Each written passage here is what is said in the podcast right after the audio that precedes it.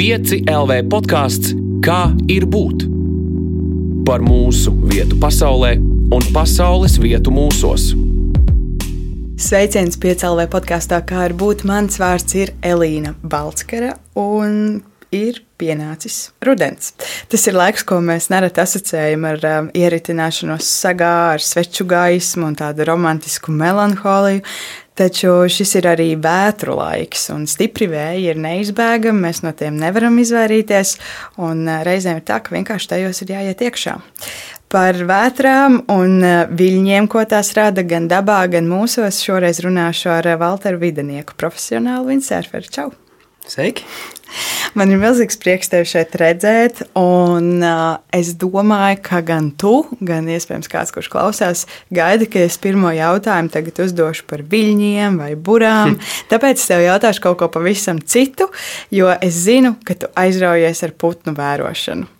Vai tu vari sākt savu stāstu ar putniem?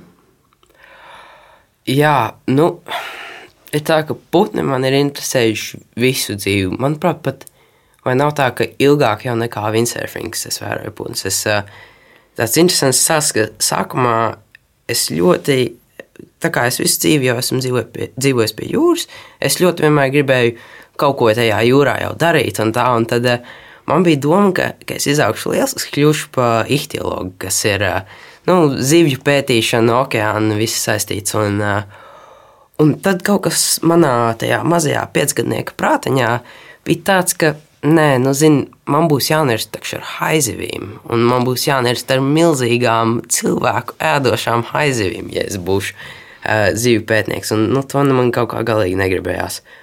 Un, uh, un tā kaut kā es pievērsos putniem. Man bija viens tāds brīdis, ka kaut kāds noteicējs man tika uzdāvināts, kaut kāds binoklītis man bija. Un tagad uh, arī rudens sākumā, ne rudens sākumā bija vienas, bet uh, tagad oktobra sākumā notiks tādas putnu dienas. Un, Daudzi gidi, putnu vērošanas gidi vienkārši cilvēkiem ies līdzi un pastāstīs, kas tas par putnu, tas par putnu. Un es tādās pirms pāris gadiem biju pieteicies un iepazinos ar savu putnu vērošanas mentoru, kas man tālāk iebīdīja tajā procesā visā. Un tā jau kopš 6, 5 gadu vecuma mēs esam vienkārši ar putniem. tas uh, skan ļoti labi. Bet putnu vērošana tas ir ļoti, ļoti mierīgs process. Ne? Tas ir, tas ir man. Es gandrīz katru rītu īstenībā, ka es esmu pārlūstā vai jebkur, kur es esmu. Nu, šeit Rīgā mazāk, bet es arī Rīgā esmu mazāk. Es vienmēr no rītiem izēju pavērot putnus. Kaut vai tās ir 20 minūtes, kaut vai tās ir 2 stundas. Uh, es izēju ar savu binoklu, pastos, kas notiek.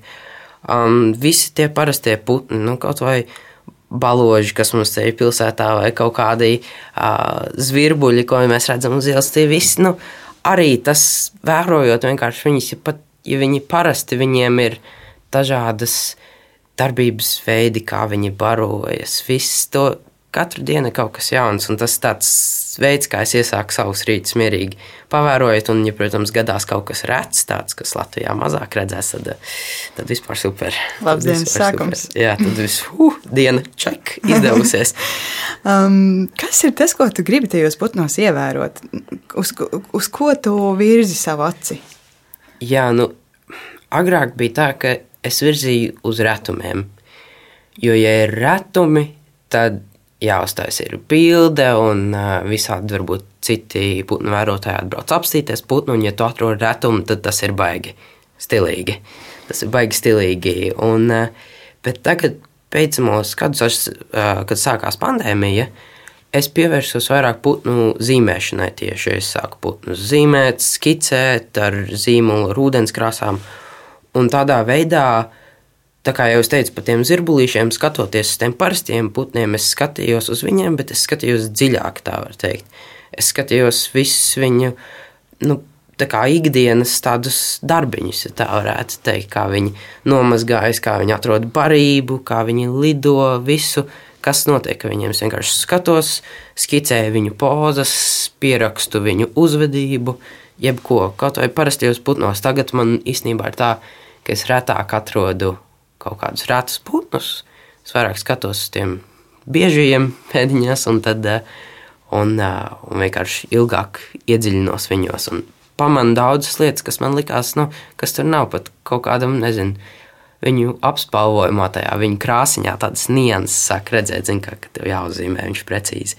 Tad tāds, mm, jā, tā kā beidzamos gadus esmu daudz tieši zīmējis. Mm. Un arī tie beigās ir atradumi, vai ne? Atrast to vienkāršo. Ne, atrast to īpašo tajā it kā vienkāršajā. vienkāršajā jā, jā, tas ir skaisti. Mm. Tas ir skaisti. Es domāju par to putnu mierīgo vērošanu, noliekot to blakus tam, ko tu dari arī savā ikdienā, kas ir windsurfings, kas ir, man liekas, pilnīgs pretstats kaut kādā tajā dinamikā darbības, tai putnu vērošanai. Tad aizējam uz šo pusi. Kā tu sāki vispār nodarboties ar windsurfingu? Jā, nu, dzīvē balansam ir jābūt. Ir jābūt kaut kam mierīgam un ir jābūt kaut kam bišķi trakākam. Um, ar windsurfingu, nu, kā jau es minēju, es visu savu mūžu esmu dzīvojis pie jūras. Un man tas nāca tā dabīgi. Man tas nāca tā dabīgi. Man teica, nodarbojas ar windsurfingu arī. Un kaut kādu sešu gadu vecumā es pirmo reizi pamēģināju.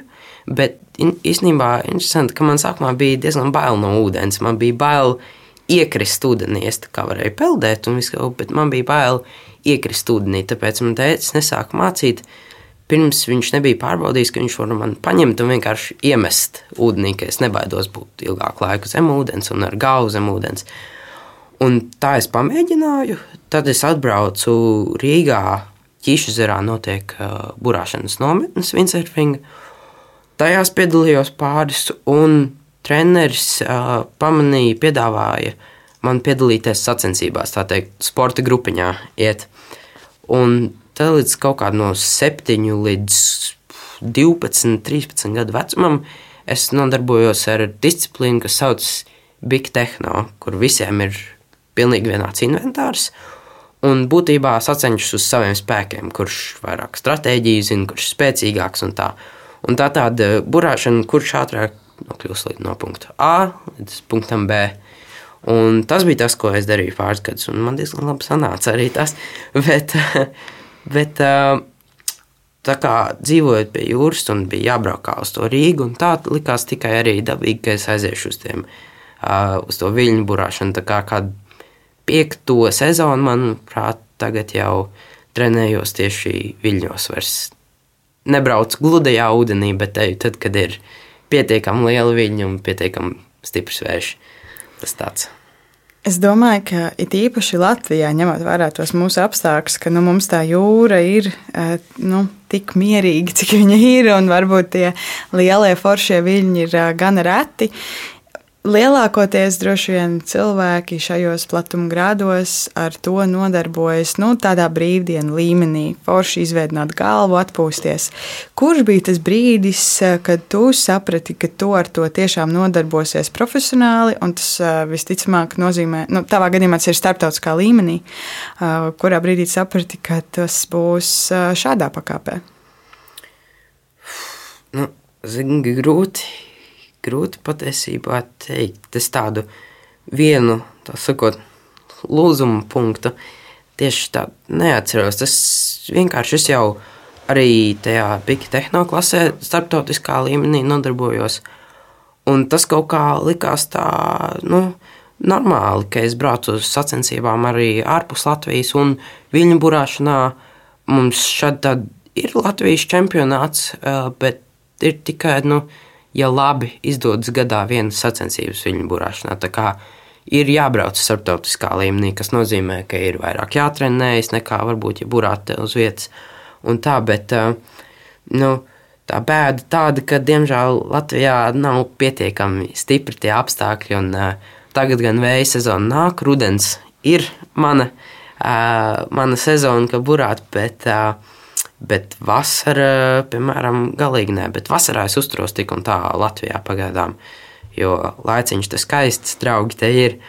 Un uh, negribās īsti braukt prom, bet uh, jā, pa ziemu es braucu citur trenēties. Bet atbildot uz jautājumu, es grūti pateikt, ka nebija, neatceros tādu brīdi, ka man bija tāds, es tagad braukšu pilnīgi nopietni. Kaut kā tas vienmēr licies tā, ka tā tas ir. Bet tomēr tu savu dzīvi tam esi pakārtojis, jo tu mācies attālināti skolā. Minēji par 11. klasi, ko tu esi nu, pats sācis. Tu lielākoties, es saprotu, ziemas pavadi ārpus Latvijas. Tas prasa nopietnu, man liekas, lēmumu saprast, ka jā, es pakārtoju savu dzīvi sportam. Kā, vai tas bija grūts lēmums, vai tas bija absolūti organiski? Nē, zinu, man, man arī vecāki tajā virzienā iebīdīja, jo kaut kā mēs runājam, ka nu, varbūt skola dzīvē nav tas pats galvenais. Ka varbūt tagad tas ir kļuvis par tādu vietu, no kur vairāk varbūt vienkārši skaidrs, un izglītība viss labi un vajadzīga, bet, bet varbūt tā tāda pārāk vieta arī, kur nolikt jauniešus vienkārši, un ka, nu, kuriem varbūt nav ko darīt. Bet, ja dzīvē ir vēl kaut kas, ko darīt, tad tam nu, nevajag kā ierobežot to. Tad jādara, es, piemēram, pirms, kā jau teicu, pirms skolas izēju pazīmēt, pēc skolas uzburāju, Un es tik un tā nu, mācos visu, bet man ir vienkārši vēl citas lietas, kas man dzīvē interesē, kuras uh, es gribu attīstīt. Tas man liekas tāds daudz labāks veids, kā paš, nu, pašattīstībai, mm. nekā sēdēt uh, sešas stundas piecas reizes uh, nedēļā. Tā kā, mm. Tas tāds man dzīves modelis ir. Tu saki, ka skola dzīvē iespējams nav galvenais. Kas tev dzīvē ir galvenais? Man, man dzīvē galvenais vienkārši būt priecīgam, laimīgam. Es domāju, tas nav, nebūtu lieli ieņēmumi, tie nebūtu kaut kādi, būt slavenam vai kaut kas tāds. Vienkārši būt, nu, būt laimīgam. Es gribu, lai man nākotnē ir tāds pats tā kā dzīves modelis, kā man tagad ir, ka es varu paceļot, man ir laiks satikt savus draugus, es varu paburāt, ka es gribu. Jo, kad es biju mazāks, es gāju, nu, tā sakot, parastajā skolā. Un tad, kad īsi sakot, tā grūti, nu, ka tu zini, ka pūš, un tu sēdi un mācies angļu valodu. Kas, protams, ir noderīgi, bet nu, kaut kas rauj uzburāt to angļu valodu. Es varu vēlāk pamācīties. Tekšu. Bet tagad man vienkārši jāsēž un jāmācās angļu valoda. Tā kā, tā kā tas tāds būtu vienkārši mērķis, būt uh, laimīgam un ka saj, sajūta tāda, ka dzīve bijusi piepildīta ar uh, piedzīvojumiem un uh, tādā garā. Tā Man ļoti patīk tā frāze, ka zini, ka pūš, bet tev jāmācās angļu valoda. tas, jā, tas ir tā, ir tāds sarežģīts, ir tāds sarežģīta lieta. Tā kā, nu, Tagad arī ir jāmācās, bet uh, tagad ir tā, ja es zinu, ja pūš, tad nu, labi, es angļu valodu vakarā izpildīšu. Nu, tāds, ka tumsiņi uznāks, tad, jo tad burāt es nevaru. Nu. Bet tagad rudenī arī, kad man bija vecā skoliņa, tad nu, līdz kaut kādam laikam ir mācības, un rudenī jau agrāk paliek tumšs. Un vienkārši var nepaspēt, jo bez skolas vēl mājas darbu var nepaspēt iet uzburāt, kas man neļauj attīstīties tajā virzienā, kurā es gribu. Mm. Tā ir arī tāda liela brīvība, ka tev ir iespēja pašam organizēt savu laiku, vai ne? Mm -hmm. Bet tā ir arī liela prasme. Kā tev ir ar eh, to nu, pašdisciplīnu? Jo Jā, tu, tu stāsti, ka tu diezgan daudz pagūsti savā ikdienā, paspēt. Um, kā tu spēj sevi disciplinēt, vai tev nāk tālāk vēl kāds no malas, vai tu tiešām organiski tā arī pats to dari? Nu, tā ar to pašdisciplīnu, pašdisciplīnu ir tāda tā kā tāda, tāds grafiks, tā kā vilnīca iet uz augšu, vilnīca iet uz leju, bet, bet svarīgi ir iet arī tādā ritmā. Un, protams, dažādiem darbiem ir dažādi tie, teikt, termiņi, kad viņi ir jāizpild. Un, nu, tie termiņi vienkārši ir jāizdara. Jo, nu, jo man ir tāds tā kā. Nu, man ir tāda vīzija, ja es neizpildīšu to darbu, es jau varu neizpildīt tos darbus. Man vienkārši ir skaidrs, kas būs nākotnē, ja es neizpildīšu viņus. Un man negribās, lai tas notiek. Nav. Tāpēc, eh, tāpēc vienkārši jāizskaņojas, jā, es burāju un es daru tieši to, ko es vēlos, bet ir arī bišku kaut vai dieniņa ir saulaina un vējaina, divas stundas, kaut vai divas stundiņas ir jāpasēž un uh, jāpamācās. Tas dod, un tad Bet, um, ieejot ritmā, tas tāds arī, jā, ka, ok, šodien uzbrāju, un, ja, piemēram, ir kaut kāda bezveida diena, tad es vairāk pamācos. Nu, tāds nav viegli, un, bet, uh, bet noteikti tā atlīdzība, tā sakot, ir diezgan, uh, diezgan forša. Kā, jā. Es domāju, ka diezgan forši un um, atlīdzību radoši brīži ir arī kaut kādi sasniegumi tieši arī sportā. Uh, ko tu pats vērtē kā savus lielākos sasniegumus uh, windsurfingā? Tas, ka es esmu ļoti daudz cilvēkiem iepazinies labiem dēļ tā. Uh, es arī uz tām sacensībām nevienmēr agrāk, kad es braucu tajā Big Tehno klasē, man bija ļoti nu, labs rezultāts.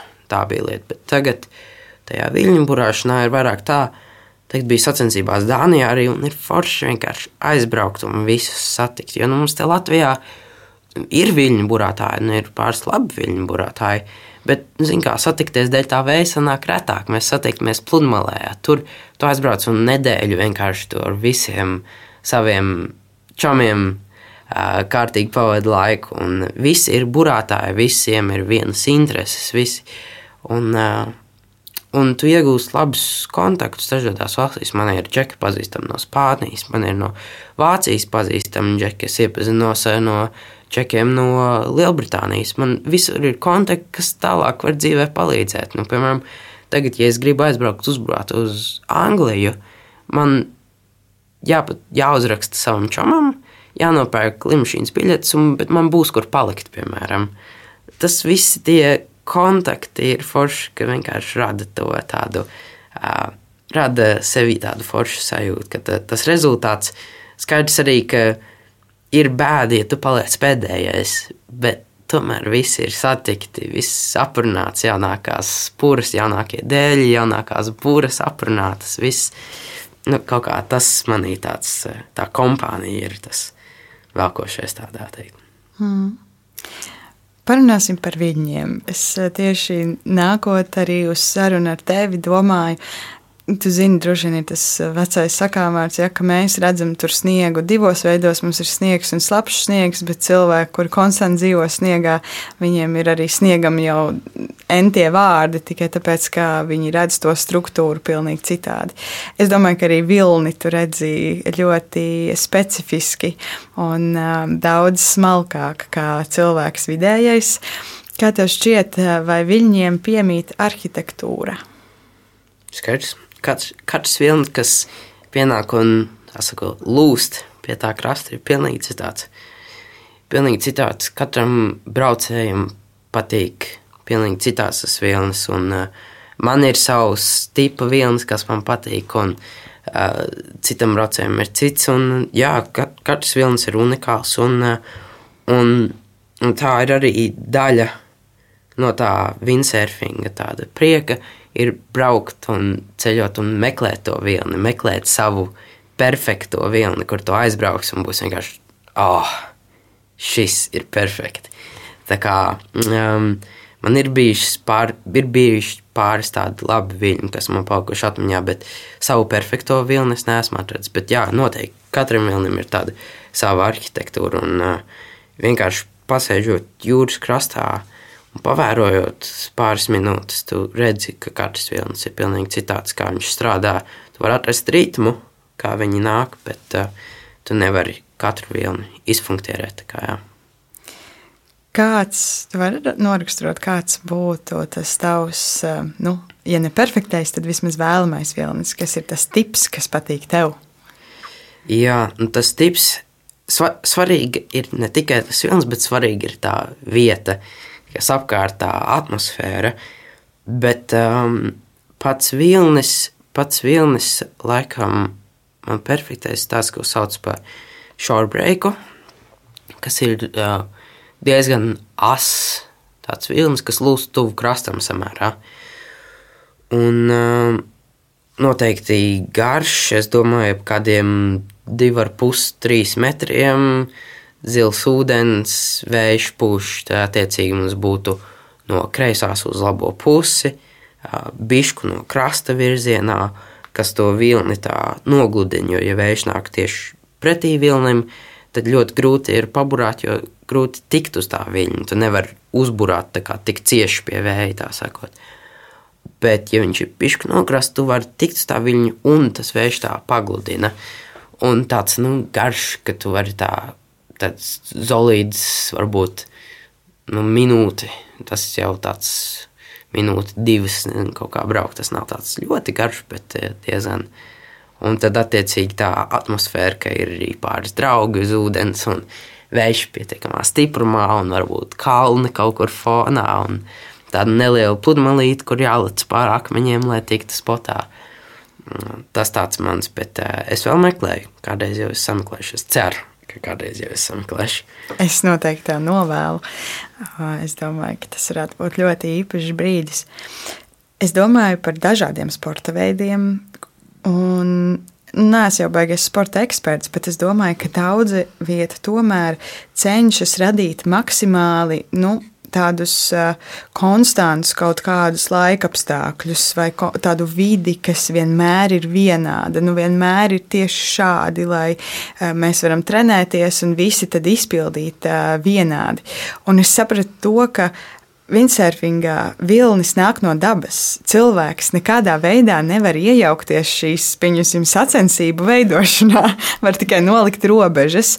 Eh, kā tu jūties par to, ka tev ir kaut kādā veidā kā cīnies ar saviem nu, biedriem, bet tajā pašā laikā tev sanāk arī kaut kāda cīņa ar dabu, vai tieši otrādi tā ir sadarbošanās? Nē, skaidrs, ka tā ir arī pišku cīņa. Kā nu kādam tā ir cīņa un kādam tā ir sadarbošanās.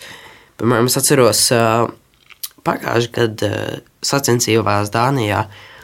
Ienāca tāda interesanta apstākļa, ka vējš pūta no labās uz kreiso pusi, un tāds garš vilnis. Un mēs visi, tā sakot, eiropieši, mēs braucām pa tiem viļņiem, mēs tā mācījām tādus pamatus, bet nu, tā, tādā vidējā stiliņā, tur griezieni nebija pārāk labi. Tā, tad viens Japānis. Un tas čeks vienkārši puf, tas griez tos viļņus tā, ka nu tikai nu, varēja redzēt, ka viņš vienkārši ir daudz laika pavadījis tieši tādos apstākļos, ka tas ir, tas ir viņa tā mājas vietas apstākļi. Un, um, nu, jā, un kā, nu, kurā gadījumā kādam tā var būt uh, cīņa, un kādam tā var būt sadarbošanās. Varbūt kādam jau skaidra lieta, ka katram burātājam ir tādi apstākļi, kuros viņam iet vislabāk, un ir tādi apstākļi, kuros viņam iet vissliktāk. Tāpēc jā, nu, tā ir arī tāda laimes spēle, kā tev paveicās tajā dienā, kāda būs apstākļi.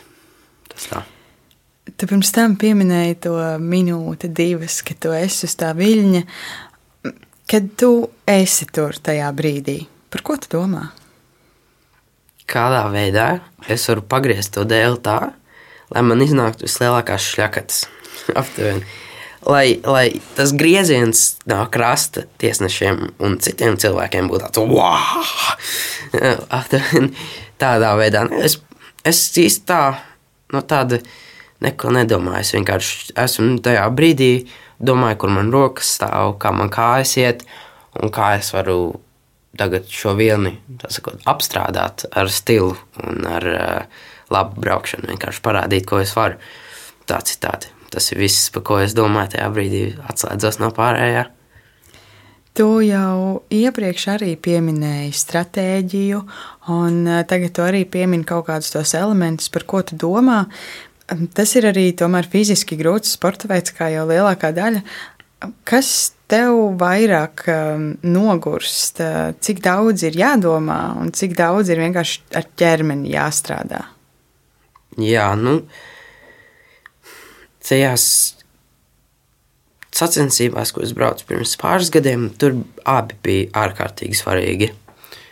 Tur, um, tur bija svarīgi, lai tev ir stratēģija laba, jo pat ja tu biji diezgan vājš burātājs ar labu stratēģiju, tu varēji tikt, tā sakot, priekšgalā. Bet uh, varēja tikt arī priekšgalā, ja tev bija slikta stratēģija un tu biji vienkārši ļoti spēcīgs džeks. Kā Um, tagad, tagad tā stratēģija nav tik svarīga. Tagad tu jau pirms tā sava iedotā laika, kad tev būs jāiet uz ūdens un jārāda, ko tu vari. Tu jau izdomā, ko tu darīsi, kurā brīdī tā aptuveni, un tu vienkārši ej pēc plāna. Um, noteikti fiziskais ir tāds liels, jo tev ir iedotā laika posmā, nu, vienkārši jākapā. Tev ir jādara viss, ko tu vari, jo tas, nu, tas izšķir, vai tu tiksi tālāk uz augstākām pozīcijām vai nē. Bet arī viena liela lieta ir tas psiholoģiskais tāds, ka tev, lai tu tiktu tālāk, tev ir jālec augstu un tie manevri jātaisa kritiskās vietās, tā sakot. Un grūti ir tikt pār tam psiholoģiskiem. Kā, ka, nu, man tagad ir jāuzlec vairāk metru augstumā, jānoliek tas dēls plakani ūdenim un krītot lejā jāuztais rotācija vēl. Tas ir tāds, un tas arī atšķirās ļoti no kā nu, iet no dienas uz dienu. Piemēram, man ir tādas dienas, ka es vienkārši jūtos, nu, es tagad varēšu visu, un es varu visu. Man sanāk perfekti, kā leciena nosēdinā. Man šākats liels griezienā ir viss, nu, viss perfekti. Un tad ir tādas dienas, ka tu vienkārši tāds, uh, uh, uh, nekas īsti nesanāk. Un, um, bet uh, kaut kā jā, jāiet trenējas, un ir dažādas lietas, ko tu vari darīt pirms tā savu laika posmu, lai, uh, lai tiktu pār tam psiholoģiskiem, tā teikt, psiholoģiskai sienai. Un, ja tu tiec pār, tad perfekti. Tad vienkārši nu, vienīgais, kas tev apstādina, ir nu, tas, sakot, nē, ja tu tiec pāri psiholoģiskiem, tad tev nekas neapstādina īstenībā. Jā, tā, tā es tev biju domājis. Kas ir tās lietas, ko dari, lai tiktu tam pāri? Um, nu, es, piemēram, man ļoti patīk paskatīties, kā citi burātāji, kā brauc kā tie top, top džeki. Es redzu vienkārši, ka viņi lido augstumā, un viņi dara tās rotācijas un visu. Un skaidrs, ka viņiem ir nu, 20 gadu lielāka pieredze nekā man, un es to vienkārši tehniski nevarēšu izdarīt. Bet es, es zinu, nu tā, ja viņi to vispār var izdarīt, tad kaut vai nu, pēc tam 20, 30 gadiem es arī tā varēšu. Ja es tagad sākšu mazāk kaut vai, es nelikšu tik augstu, es lekšu uz pusi zemāk nekā viņi vai vēl zemāk. Bet es tik un tā izpildīšu to rotāciju, tad nu, gadu gaitā es tikšu līdz tam. Tāpēc uh, es vienkārši kaut vai kaut kādu video online paskatos uh, un iegūstu to iedvesmu, iet un darīt. Un, uh, mūzika arī palīdz. Piemēram, ir tādas dažas dziesmas, kas ka es paklausos pirms tā sava hīta, to sauc par hīts, kur tev ir iedots piemēram, 12 minūtes, ka tev jādara viss, ko tu uh, vari. Paklausos kaut kādu mūziku, un tad lecot augšā tieši tajā brīdī, kad lec augšā, sāk, galvā tev sāk skanēt piedziedājums tev dziesmai. Un tad ir jā, un tu ej tajā rotācijā iekšā. Tā kā nu, tāds. Uh, interesanti, bet ne, nu, tas ir jātrenē, kā tikt pāri tai sienai. Es nevaru te nepaprasīt, kas ir tā mūzika, ko klausies. Um, nu, man mainās visu laiku. Man ļoti viss mainās, bet uh, man patīk 90. hip hops. Kas tāds un tādas īsti mūsdienu dziesmas tā neklausos, tā popu un tā. Bet šeit, tad, ja kāda labi iznāk, nu, kaut kur, kur ir tāds, kaut kāda tāda dziesma, ka viņi visu laiku paliek prātā, ka tāds liekas, nu, šo mūziku varētu likt pie tāda forša windsurfinga video, kur džeki lēkā. Ja šī mūzika der pie, kur džeks uzlec 13 metru augstumā un uztais rotāciju lejā, ja tā mūzika saskan ar to video redzēto, tad mm, šī tā ir mūzika, ko klausīties. Nu, kaut vai tas pats ACDC. Ļoti, ļoti laba ļoti labas dziesmas, lai klausītos pirms, eh, pirms hīta. Pašā sākumā teici, ka tad, kad um, tētis tev pirmās reizes um, veda uz jūru un mācīja viļņus, ka tev bija bail iekrist. Es pieļauju, ka varbūt šīs bailes tu esi pārvarējis, ja tu dari to, ko tu dari. Varbūt nē, bet uh, vai ir kaut kas, no kā tu tagad baidies? Savainoties. Tā ir, es domāju, tā lielākā psiholoģiskā tā siena. Jo nu jā, tas vienkārši tā savainošanās, tā nav kaut kāda inventāra saplēšana vai es tur um, nezinu, kaut ko. Es pat nezinu, man nav bail īsti no augstuma tāda liela. Man vienkārši ir bail savainoties. Nu, vai tā ir lausta kāja vai lausta roka. Un pat nu, tas varbūt nebūtu tāds, kā nu, labi savainojās, bet, bet pēc tam tie trīs, divi, četri mēneši tu vienkārši tev jāsēž. Nevar neko darīt īsti. Nevar iet burāts, kas nu, tāds ļoti vidējs. Man pat varbūt nav tik bail no tās traumas, man bail, kas būs pēc tās traumas. Un, um, tas tāds lielākais. Jo nu, arī tagad sacensībās, kas bija Dānijā, arī džeks rotācijā bišku plakanāk dēli pret ūdeni nosēdināju un kāju salauza. Nu, tā, tā tas ir. Un es zinu, ka man vienkārši jātiek pāri tam, lai es varētu visu darīt. Tas ir vienīgais, kas man tā reāli apstādina. Kas ir um, ekstrēmākie apstākļi, kuros uh, tu esi darbojies? Ekstremālākie. Nu, tā grūti pateikt. Man, man jau man pašam kaut kā pat, ja tie apstākļi liekas ekstremāli, no krasta gan arī katra tāda vējaina diena varbūt liekas ekstremāla. Bet to tik daudz ir burāts, tik daudz stundas ir pavadīts tā ūdens, ka, ka uz to skatos kaut kā citādi. Nevis, oi, tas ir ekstremāli, būs bailīgi, bet jā, tas ir ekstremāli un būs bailīgi. Un, eh, un iebraucot iekšā arī daudz citās skats kļūst viļņi jūrā iekšā, viņi, ko mēs saucam par tādiem draudzīgiem, ka viņi tādi lieli lēzeni nāk, jo viņi plīst jau tikai pie paša krasta, ko tas ir tas, ko mēs redzam, bet iekšā viņi ir tādi lieli lēzeni, starp tiem viļņiem tādas ielas, tā kā ir, kur gluds ūdens, tu viss vienkārši burātu tādam kalniņam pāri, tā kā pārburām, tā, un viss tāds um, draudzīgs, bet, nu, ja tā no krasta skatās, tad, nu, es nezinu, kaut kur, varbūt kaut kāda pāvalostas vētra, um, nezinu, kaut kāda varbūt trīs metri vilnis un Mēs mēram metru, metros sekundē, tas varbūt kaut kad 20, ap 20 plus mīnus metru sekundē. Mazas būras, bet īstenībā es atceros vienu tādu dienu, kad likās tā kā ekstremāli apstākļi, bet es biju šausmīgi priecīgs, jo man tā patīk ar mazām buriņām. Burā, ka tu vispār nesi kontrolē, tu, un ir pa daudz ar to mazo buriņu, ka tu nevari neko nokontrolēt. Visas rotācijas, tu pārrotē visu. Tu vienkārši pilnā ātrumā nesājies ar draugiem. Visi izklieguši balsis, jau viss tur kaut ko kliedz virs tā ūdens. Un tu vienkārši nesājies tur, šur, tur, šur, tur, šur. Neko nedari, pat vienkārši ar draugiem pavadīt to laiku. Un kaut kā tie apstākļi liekas ekstremāli, tad kaut kā tajā brīdī tu vispār aizmirsti, ka ir taču 3 metru vilnis un vairāk metru sekundē, 20 metru sekundē vējš. Tas kaut kā tā aizmirstās. Tad, kad tu runā par burāšanu, tu daudz stāstīji jā, gan to laiku pavadīšanu ar draugiem, to priecīgo momentu, vai kad tu sēdi un tu saproti, ka ir vējš un tu gribi iet burāt un būt ūdenī. Vai tu esi vispār, nu, daudz ķēris to pienākumu sajūtu šajā, ka tu esi sportists un tev jāiet uh, trenēties. Jo man izklausās, ka tas ir tev kaut kas tāds, kas vienkārši tev konstanti velk. Tiešām, tiešām nesmu to pienākumu. Man vienkārši gribās, un es kaut kā varu tā patās burāt. Nu, vienkārši nesāties, kā es teicu, turp, šurp, turp, šurp.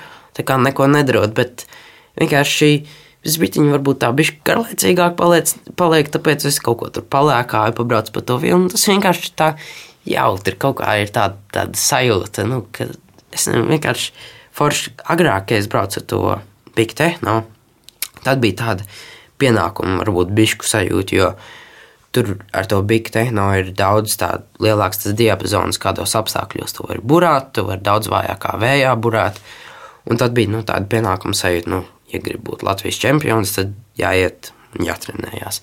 Jebkādos apstākļos. Bet tagad, tagad tas ir tāpēc, ka svešs, stiprais un tāds ir tā retāk, tad tā ir tāda iespēja beidzot var ieiet. Nu, es ja varētu iet labprāt katru dienu, bet vienkārši nevaru iet katru dienu, diemžēl. Bet nu, noteikti tā nav tāda pienākuma sajūta. Noteikti ne. Tu vari iedomāties, ka tev kādreiz apniks. Nē, noteikti ne. Ir, ir tik daudz ko redzēt, ir tik daudz ko darīt, un tādas iespējas, ka mm, es domāju, šis ne, nekādā iespējā man liekas, ir eh, ārprātīgi iedvesmojoši un tik priecīgi dzirdēt, ka kādam kaut ko tik ļoti, ļoti gribas, un ka, ka tas sagādā tik lielu prieku, un ka to var arī darīt un realizēt. Eh, man tiešām ir eh, prieks klausīties. Bet es domāju arī par to, ka um, šis sporta veids prasa tomēr ļoti daudz laika pavadīt pie dabas, un arī tava putnu vērošanas aizraušanās arī tā prasa pavadīt laiku pie dabas varbūt tad sāksim ar to jūras posmu. Ko tev jūra ir iemācījusi par dzīvi kopumā? Um,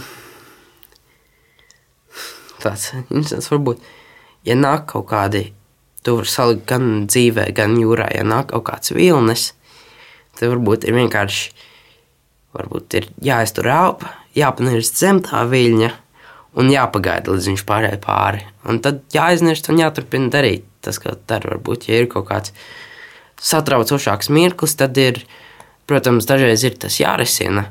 Un, nu, pie krasta ir kaut kāda mazāka vilnīša. Pie krasta ir mazāka vilnīša, un tiem es vienkārši eju pāri.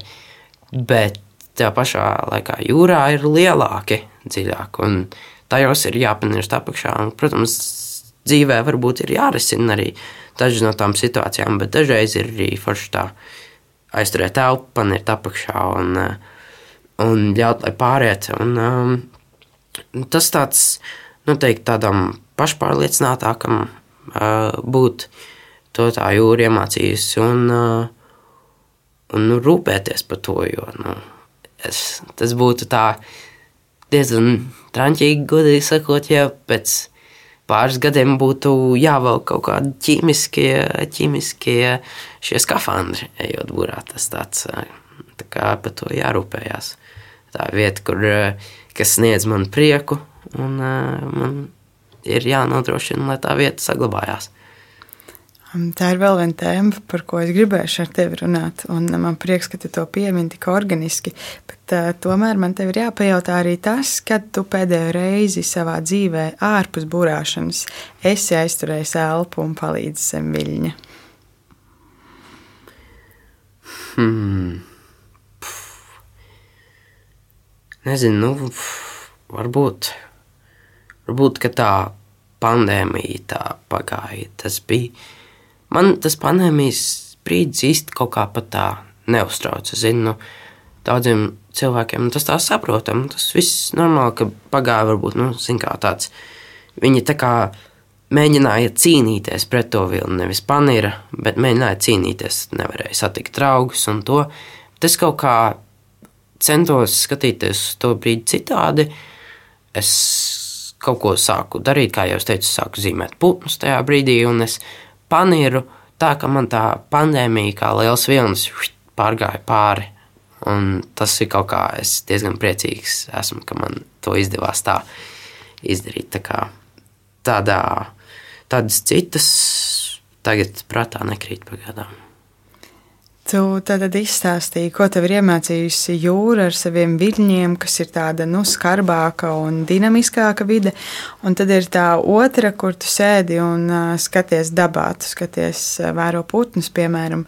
Ko tev ir iemācījusi šī dabas sadaļa? Skatīties ciešāk.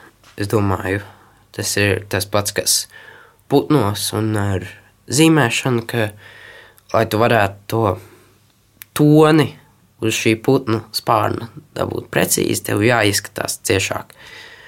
Un tā ir, es domāju, kaut kāda lieta, pievērst uzmanību detaļām, tā var teikt. Jo tās ir ārkārtīgi svarīgas lietas. Tas var būt tāds, es domāju, lielākais arī. Jā. Un kam dzīvē tu centies vairāk pievērst uzmanību, kas ir tās detaļas, kur, tā, kur tev liekas, ka ir nozīmīgi, ka mēs vispār kā cilvēki arī pievēršam uzmanību vairāk detaļām? Es, nu, es, nezinu, es, piemēram, es cenšos domāt arī, ko es darīšu nākotnē. Es varbūt kaut kādās lietās cenšos būt rūpīgāks, es cenšos pievērst tai pašā burāšanā lietas detaļām. Es neju un vienkārši neuztekalēju, nu, kā neuzbūvēju to savu buru un dēlu vienkārši burā, bet es specifiski padomāju, cik man daudz tā bura, tas sakot, jāpietrimē, kas ir, nu, tā kā tajiem apstākļiem, kā man, kādā veidā man viņi ir, sakot, jāuzbūvē tajiem apstākļiem, kur man dēlīs purus precīzāk jāieliek, un viss ir detaļās, jo, ja tu pamaini, tad ļoti daudz tajā lielajā bildē var kas mainīties. Un, uh, tā ir tā pievēršanās detaļām. Jo agrāk es vienkārši uzsaliku to savu burbuļu, saliku to savu dēlu un skrēju iekšā. Tagad es tā rūpīgāk cenšos pastīties. Nu, tagad tas arī paliek svarīgāk, tāpēc ka bišku līmenis citiem sāk palikt augstāks un tā, bet, bet tas pašam arī kaut kā tā ieinteresē paskatīties, ja kas notiek, ja es tās spurgas vairāk uz apakaļ pabīdu un tādā veidā. Tad, kad tu skaties uz jūru, tu redz tādu nu, fiziku, re, kur ūdens, vējš, kombinācija, un tagad notiek tas, kas notiek. Vai arī tu piešķir tai jūrai kaut kādu personību un raksturu, un tev jau viņa kļūst par tādu, nu, es negribu teikt cilvēku gluži, bet nu, personību tā varētu teikt. Jā, vairāk tā pa, pa personība. Ā, šodien jūra, nu, nevis, ā, bet jā, šodien jūra tāda traka.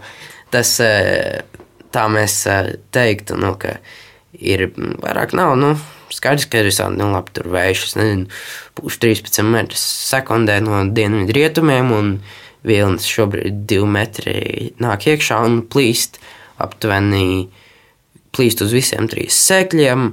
Un ir diezgan, diezgan lēzens. Nu, no tādā, tādā ziņā tās lietas arī svarīgas, bet vairāk mēs tā vienkārši Un es pats arī pieeju, nu tā, nu, jā, šodien jūra tāda stiprāka, šodien tāda vājāka, šodien tāds vienkārši relaksētāk kaut kā.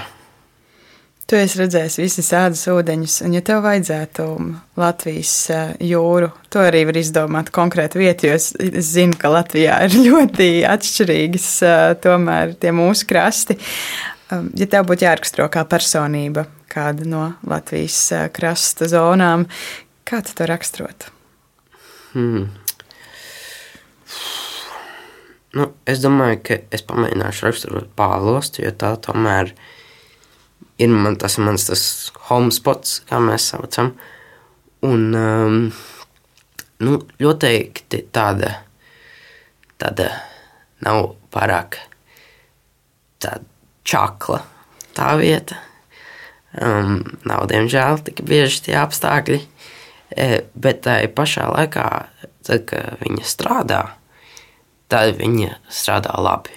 Diezgan lielākā daļa gadījumu viņa izdara savu darbu, tā sakot, līdz galam. Tā kā vispār nav čakla, bet tajā čakluma brīdī tāda mērķtiecīga un uh, darbīga. Tā tas tāds var būt. Uh, jā, bet es priecātos, ja būtu tas spālostas posms, tāds čaklāks. Bišķi. Tas būtu tā, diezgan, diezgan jauki. Tu pieminēji to, ka tev ir svarīgi arī rūpēties par jūru. Kā tu pats personīgi, ko tu dari, lai tu parūpētos par mūsu ūdeņiem? Kaut vai tāpat atkrituma šķirošana. Atkrituma šķirošana, jāņem pašiem savs maisiņš, ejot uz veikalu, vai, ja nav maisiņš, tad jāmēģina kabatās ielikt, neņemt tas politelēna maisiņus, jo um, kaut kā īstenībā, nu, Visumā Baltijas jūra ir diezgan piesārņota. Viņa ir diezgan piesārņota, bet viņa nav ar plasmasu, manuprāt, tik ļoti piesārņota. Jo man nav tā bieži, ka burājot, es redzu kaut kādas plasmasas maisiņas un tā. Um, bet tai pašā, piemēram, Tenerifē, Kanārijas salās, kuras pa ziemu trenējos, tur tā ir diezgan ar plasmas maisiņiem un plasmas vispārīgi piesārņot vietu. Un, nu, kaut vai burājot Ja tu redzi to plasmasas maisiņu, tad tu paņem un izvedi viņu krastā, ieliec miskastē. Tā, tā, man liekas, arī citi burātāji zina, ka dara, ka, nu, ja kaut ko redz, tad savāc. Nu, tas nav tā grūti piebraukt un paņemt tā kā, bet no tāda ikdienas dzīvē es šķiroju, izmantoju savus, savus uh, maisiņus un tā, tādā veidā. Vai tev vispār satrauc tas, kas notiek pasaulē ar klimatu un to, kas mums visticamāk gaida, ņemot vērā globālo sasilšanu? skaidrs, ka satrauc. Piemēram, to, nu, to redzēt, tas pats vējš agrāk pālostā pirms desmit, kaut vai pieciem gadiem bija, nu, no, pirms pieciem, grūti teikt, bet pirms desmit bija vairāk. Rudenī džeki ļoti bieži burāja. Un um, tagad tas vienkārši nu, tāds pazudis. Pagaidām man nav bijis, no, es bijis prom septembrī lielāko daļu, bet nezinu, nav bijušas tādas burāšanas sesijas. Un, protams, ne jau tas viss nav ap vēju, es to redzu arī, nu, putnos to var arī redzēt, ka kaut kādi putni vairāk dodas uz ziemeļiem, kas parasti dienvidos vairāk, jo, nu, pa karstu viņiem paliek. Tā kā, jā, to var, to var tā redzēt. Nu. Tu pieminēji ziemas Tenerifē, Un arī tikko tu pirms pāris dienām esi, principā, vakardienas, saprotu, atbraucis Jā. no Ņujorkas, un tava dzīve tomēr ir diezgan kustīga. Tu uz vietas gluži nesēdi. Vai tu jūties kā tāds pasaules pilsonis, vai tu jūties vairāk kā, jā, es esmu no Latvijas? Es nejūtos kā pasaules pilsonis, es jūtos kā Eiropas pilsonis. Um, nu, skaidrs, ka man, man ir tāda cieša piederība Latvijai arī vēl, kad sākās karš Ukrainā. Tad uh, tā piederība, varbūt tā piederības sajūta tāda lielāka palika. Bet, um, nē, nu vispār, es vispār jūtos kā tāds Eiropas pilsonis, jā. Es tās pašas, nu, Tenerifi, varu saukt arī par savām nu, otrajām mājām, tādā, tā sakot. Tā kā, jā. tu pieminēji karu Ukrajinā. Kā, kā tas karš uh, ietekmēja to piedrības sajūtu? Kāpēc tev liekas, tas tā izvilka to zāru? Nu, nezinu, nu, grūti. Grūti pateikt, nu, tāds. Es kaut kā, ka es par to izlasīju ziņās, ka noticis iebrukums un tā. Um, tad uh, kaut kā vienkārši tāds radās pret Latviju tāds lielāks, ka tā kā kaut kas jādara. Ka nu, jāatbalsta vairāk mājas tieši. Tā kā nu, grūti pat izskaidrot, vienkārši tāds ciešāk, tā kā es esmu latvietis. Nu, tā to varētu teikt. Tu pašā sākumā, kad es tev jautāju par to burāšanu un par putnu vērošanu, tu teici, ka jā, ir vajadzīgs līdzsvars starp uh, to dullo un uh, ļoti, ļoti mierīgo. Kaut kā šajā ceļošanā apkārt un starp mājām vienā, otrā un varbūt vēl kaut kādā vietā, kur tu atrodi līdzsvaru tajā māju sajūtā? Kā tu nepazūdi starp tām vietām, tā es varētu jautāt. Mm īsti mm, nav man tāda sajūta. Nē. Es, kad es atbraucu mājās uz uh, Pāvlostu, es, nu, man ir forša sajūta, ka es esmu savā nu, mājās, mājās. Bet, um, bet tai pašā Tenerifē arī, arī tāda pati sajūta, nu, ka te ir mājas, es tik daudz jau esmu bijis. Ka, ka te ir arī mana vieta, bet skaidrs, ka vienmēr atbraucot uz Pālostu, es priecājos tā kā bišku vairāk varbūt, jo, nu, te man kaķis ir un tā, un ir tāda, nu, tā, tad es esmu mājās, bet, bet tā kā esot prom, man arī ir tomēr tā, tā sajūta piederība mājām, bet um, nē, nav, nav tāda sajūta, ka kaut kur pazūd starpā. Es tomēr zinu tās savas vietas, un es nevarētu aizbraukt kaut kur uz uh, kādu vietu Francijā un teikt, tagad te man ir mājas tā gluži. Es nevarētu vietas kaut kādas, kurām es jūtos piesaistīts. Man tomēr ir, kur man ir kontakti, kur man ir lietas, ko darīt, kur man ir pats kaķis, piemēram, mans. Tā kā ir tāda eh, piesaistes sajūta. Tad, kad es tev vaicāju par detaļām, tu teici, ka tu domā par eh, nākotni, par to, ko tu vēlēsi darīt un eh, kādas virzienus savā dzīvē izvēlēties.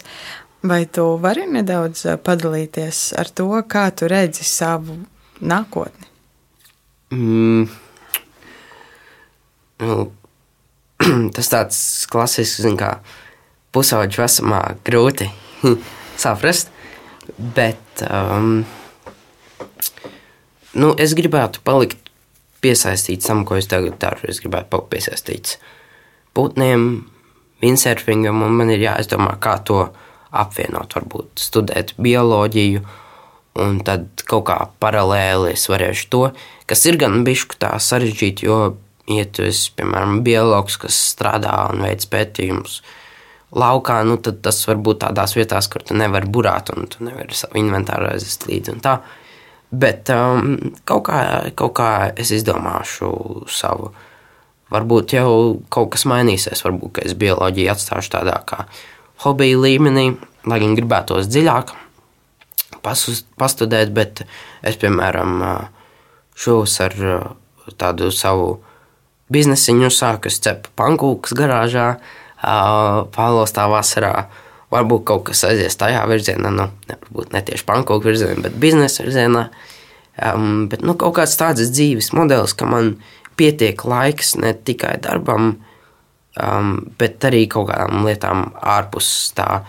Bet uh, skaidrs, ka es zinu, ja es tomēr strādāšu bioloģijā tā, ka es nevarēšu burāt, tad tik un tā nu, laimīgs es būšu, ka es daru to, ko man patīk, vismaz daļu no tā. Bet uh, skaidrs, ka perfektais būtu kaut kādā veidā apvienot šos abus divus tēlus. Jā, jāsaka, to pirksti.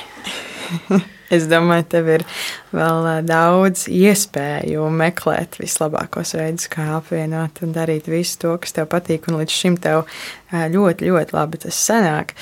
Kas ir tas, ko tu gribētu atstāt aiz sevis kā mantojumu. Tu esi kādreiz par to domājis? Ko tu gribētu, kas lai pēc tevis paliek?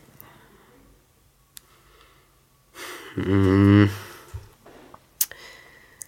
Mm, īsti, īsti.